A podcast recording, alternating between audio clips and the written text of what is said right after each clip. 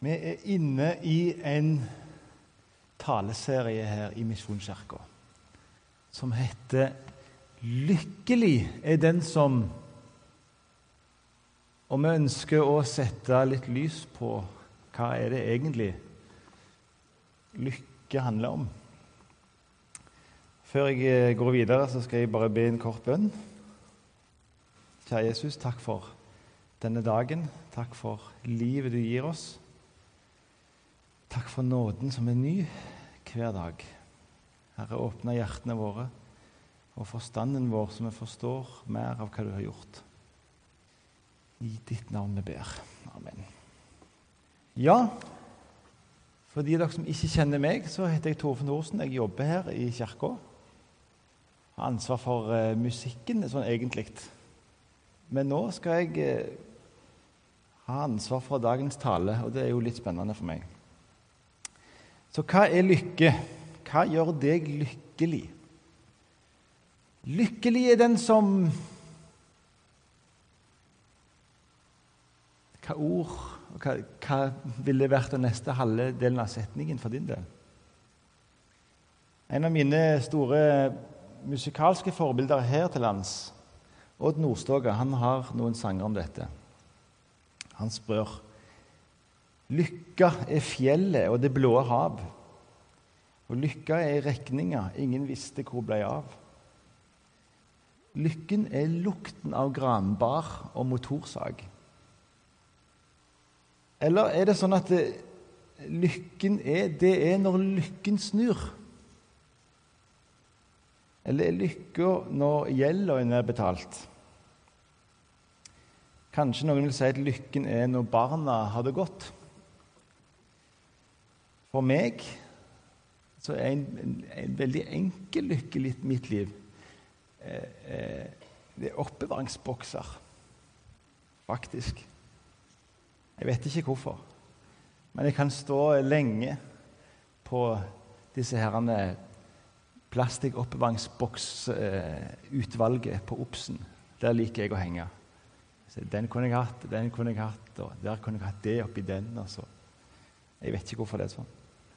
Kanskje noen har det sånn at lykken er å ha noen å komme hjem til.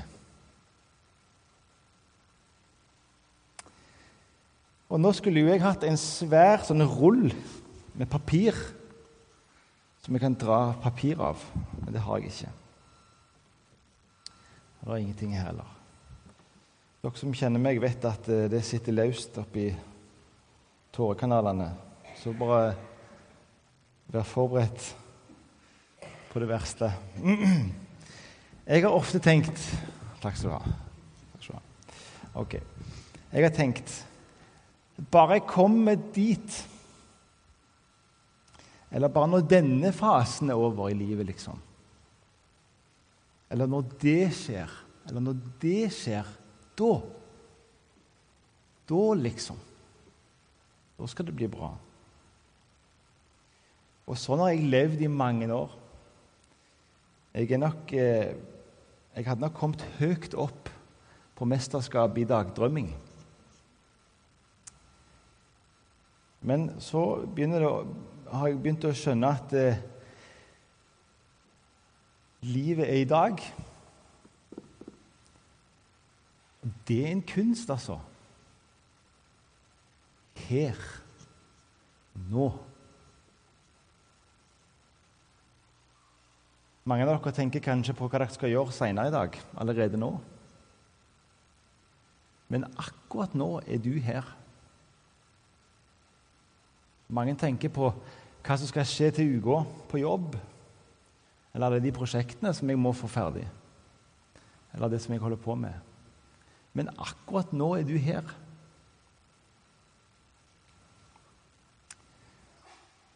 Og det er bra, kanskje.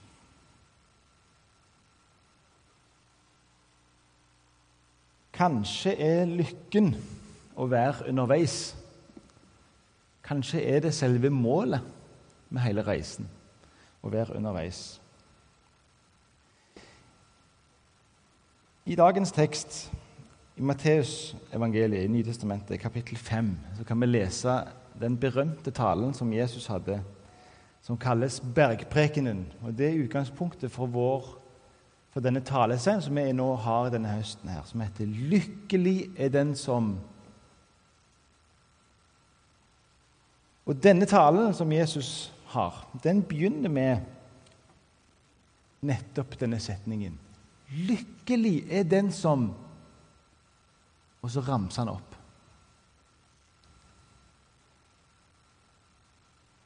Og ordet 'lykke' på den tida der, det var salig. Det var den ytterste form for lykke. Og hele talen til Jesus begynner med dette. Salige er de som er fattige i ånden, for himmelriket er deres. Salige er de som sørger, for de skal trøstes. Salige er de ydmyke, for de skal arve jorden. Salige er de som hungrer og tørster etter rettferdigheten, for de skal mettes. Salige er de barmhjertige, for de skal få barmhjertighet. Salige er de rene av hjerte, for de skal se Gud. Salige er de som skaper fred, for de skal kalles Guds barn. Salige er de som blir forfulgt for rettferdighets skyld, for himmelriket er deres. Ja, salige er dere når dere for min skyld håner og forfølger dere, lyver og snakker vondt om dere på alle vis. Gled dere og fry dere, for stor er lønnen dere har i himmelen. Det starter Jesus denne talen med. Og det er på en måte et slags grunnlag for resten av denne talen som kommer. Så begynner Jesus å ta for seg de gamle lovene og reglene og budene som, de hadde, som jødene hadde fra Gamle testamentet, fra, fra, fra eldgammel tid. Så tar han for seg det ene budet etter det andre. og Så løfter han de opp. Så sier han, 'Dere har hørt det sagt.' Og så siterer han Moses. Og så sier han, 'Men jeg sier dere'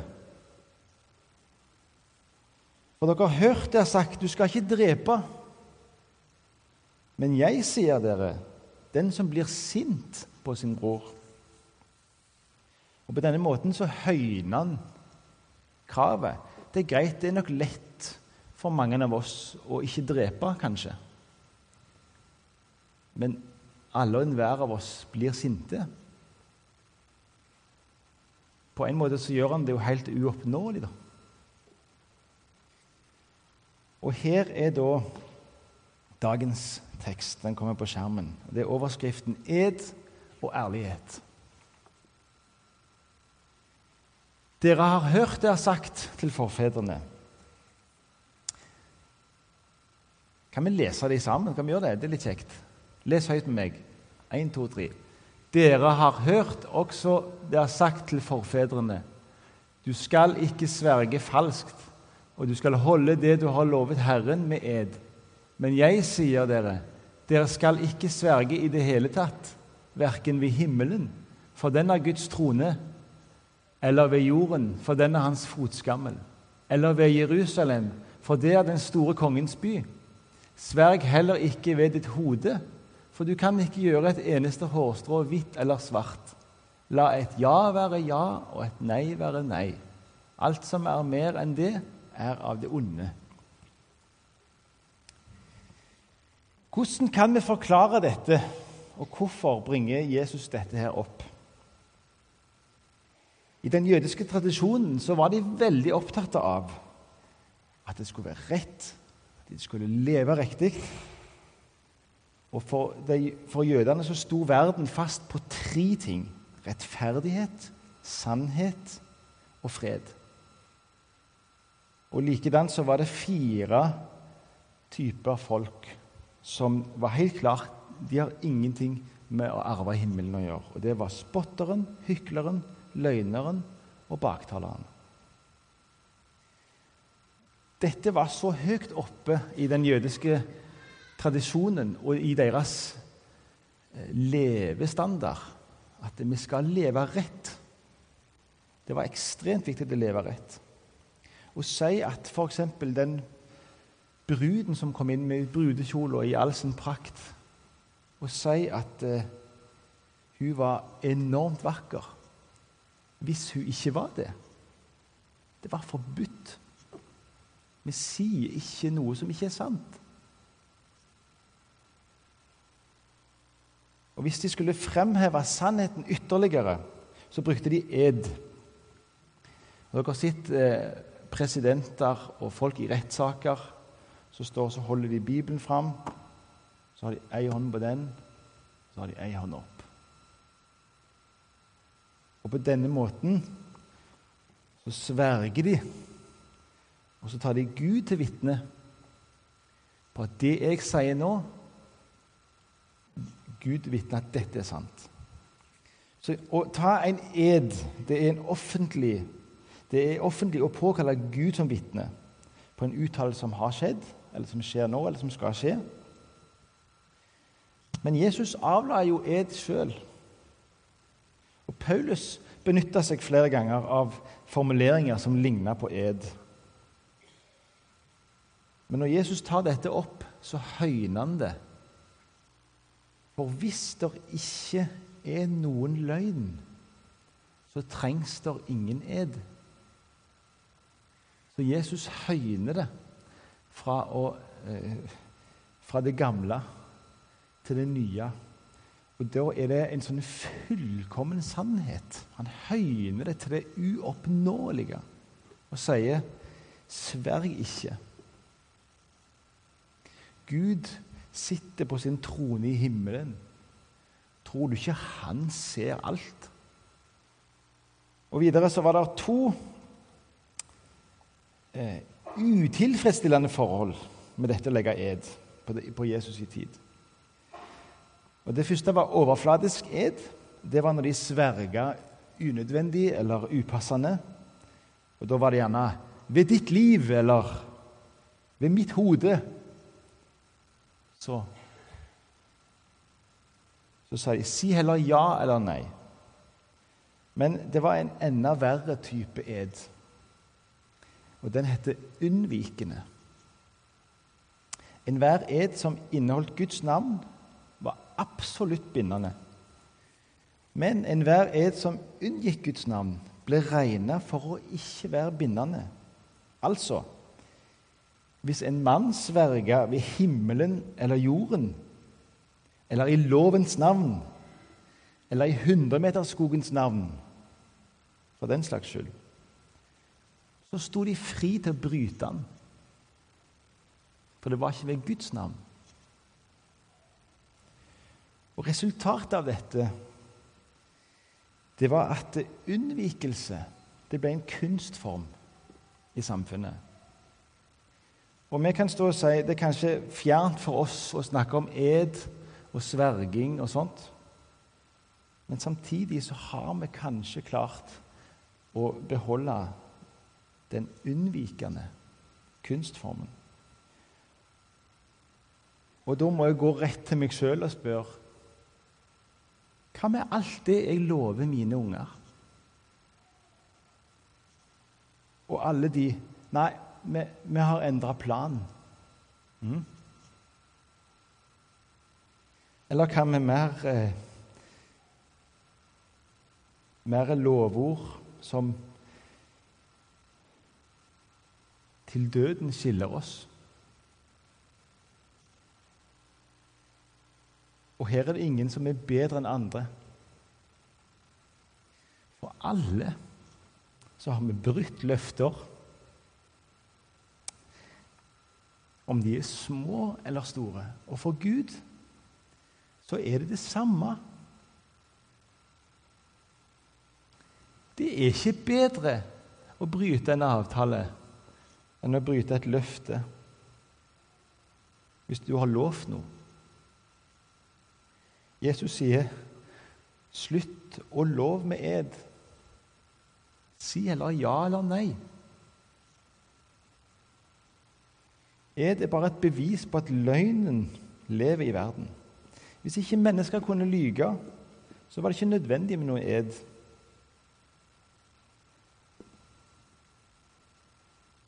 For nettopp der ed skal garantere en troverdighet, så gir du også rom til en viss grad for løgnen. Tanken bak sverging og sånt, det er jo at Gud skal være part. Ved Guds navn Gud er mitt vitne. Og siden jeg sier det, så er det jeg sier, sant, og han er på mitt lag. Men dagens tekst sier, og Jesus slår det fast Så langt fra å måtte ta Gud til en part i en sak, så kan ikke noe menneske holde Gud utenfor noen som helst form for transaksjon. Du kan ikke dele livet inn i båser med noe der Gud er med, og noe der Gud holdes utenfor. Vi kan ikke bruke ett språk her inne i kirka og et annet på jobb. På samme måte kan du ikke bruke en oppførsel her og en annen standard på puben i byen. Vi trenger ikke invitere Gud inn i en del i livet og holde han ute fra en annen. Gud er overalt. Han er gjennom livet og enhver aktivitet. Jesus sa det sjøl. 'Jeg er med dere alle dager'. Og Gud, han hører ikke bare ordene som er talt. Han hører alle ordene.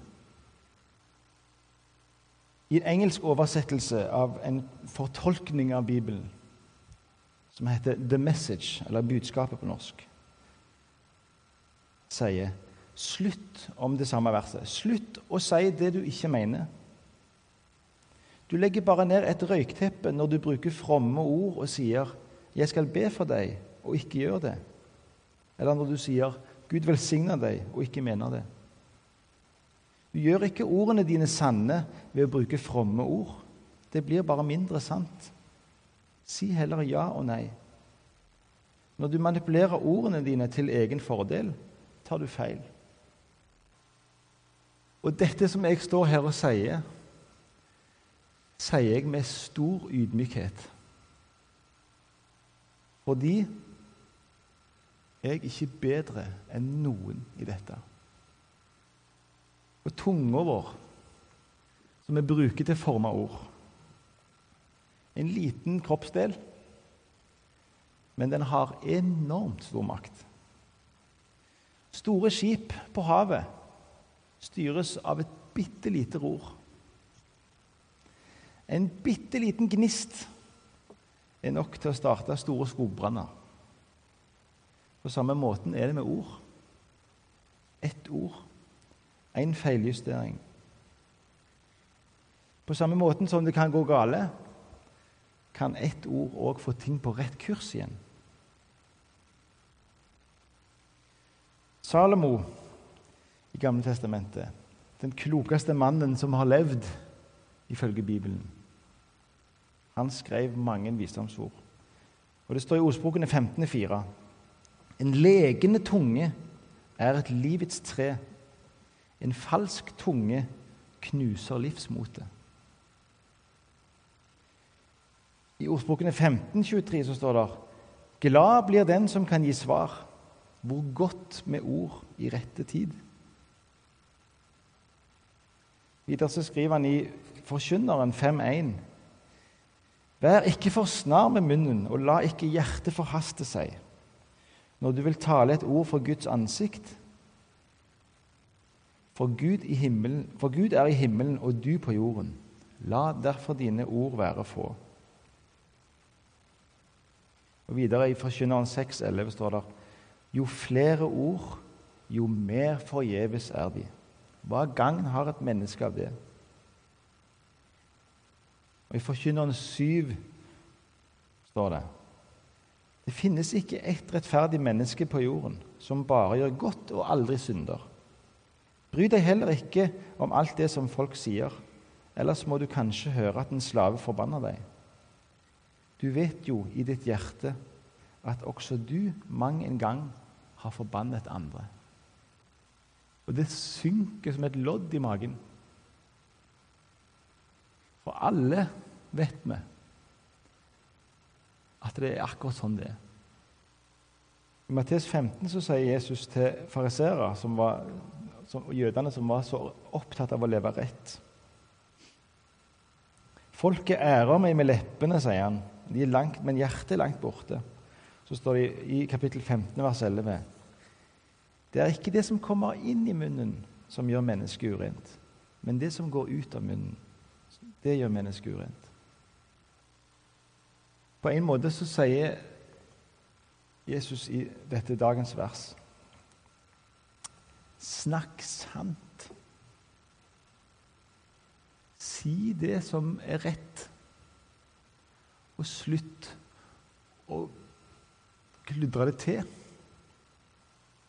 Det har vært vanskelig for meg å forberede meg til dette. Fordi jeg føler ikke jeg kan stå her og, og tale om dette. Ord kan få livet til å få en gal kurs. Og ord kan få livet inn på rett kurs. I Gamletestamentet, i Daniels bok, så står det om Daniel. Han kom trolig fra en overklassefamilie i Jerusalem. Og når han var tenåring, så ble han bortført til Babylon. Det er ca. 2600 år siden. Og Der fikk han tjene med kong Nebukadnesar sitt hoff. Og han fikk mer og mer tillit. Og Etter hvert så ble han rådgiver for flere konger. Og Han hadde nok av gode skussmål og gode tilbakemeldinger. Og ingen som var så kloke som Daniel der og da. Men når han ikke ville tilbe gudebildene som kong Nebukadnesar lagde, så ble han kasta i ildovnen sammen med vennene. I løvehulen, selvfølgelig, ikke i ildovnen. Fordi han ikke ville tilbe gudebilder. For han sa om så ikke Gud redder meg, så kommer ikke du til å få meg til å tilby noe annet så redder Gud han fra løvenskap. Og I Daniels bok kapittel 9 så kan vi lese om hvordan Daniel ber til Gud. Og gjennom hele kapittelet Daniel som tilsynelatende har levd så rettskaffent og så fromt og så rett, og som har så lite svin på skogen Han er helt ute av seg. Og så sier han Gud, vi har synda og handla ille. Vi har ikke hørt på deg og profetene dine. Din er retten, Herre. Vår er skammen. Hos Herren er tilgivelse og barmhjertighet, enda vi har satt oss opp mot ham. Vi venter ikke om fra våre misgjerninger. Og Daniel fortsetter og fortsetter. Det er ute med oss. Vi fortjener ikke å høre deg til. Ingen er som du, Gud, sier Daniel. Og jeg har ingen rett til å skulle kalle meg rettferdig. Og Daniel, som tilsynelatende levde så fromt og fint, roper i sin fortvilelse. Min Gud, vend ditt øre hit. Lukk opp dine øyne og se våre ruiner. Hør, Herre, tilgi. Gi akt på vår bønn. Grip inn, dryg ikke. Og så skjer det. Mens jeg ennå ba, kom Gabriel, den mannen jeg tidligere hadde sett i synet, og fløy helt bort til meg. Så sier Gabriel i vers 23.: Da du begynte å be, gikk det ut et ord. Og jeg har kommet for å fortelle deg det for du er elsket av Gud. Så merk deg ordet og gi akt på synet. Og I kapittel 10 så får han et nytt syn. Han ser en mann som er kledd i lin, og som har belte i et slags gull.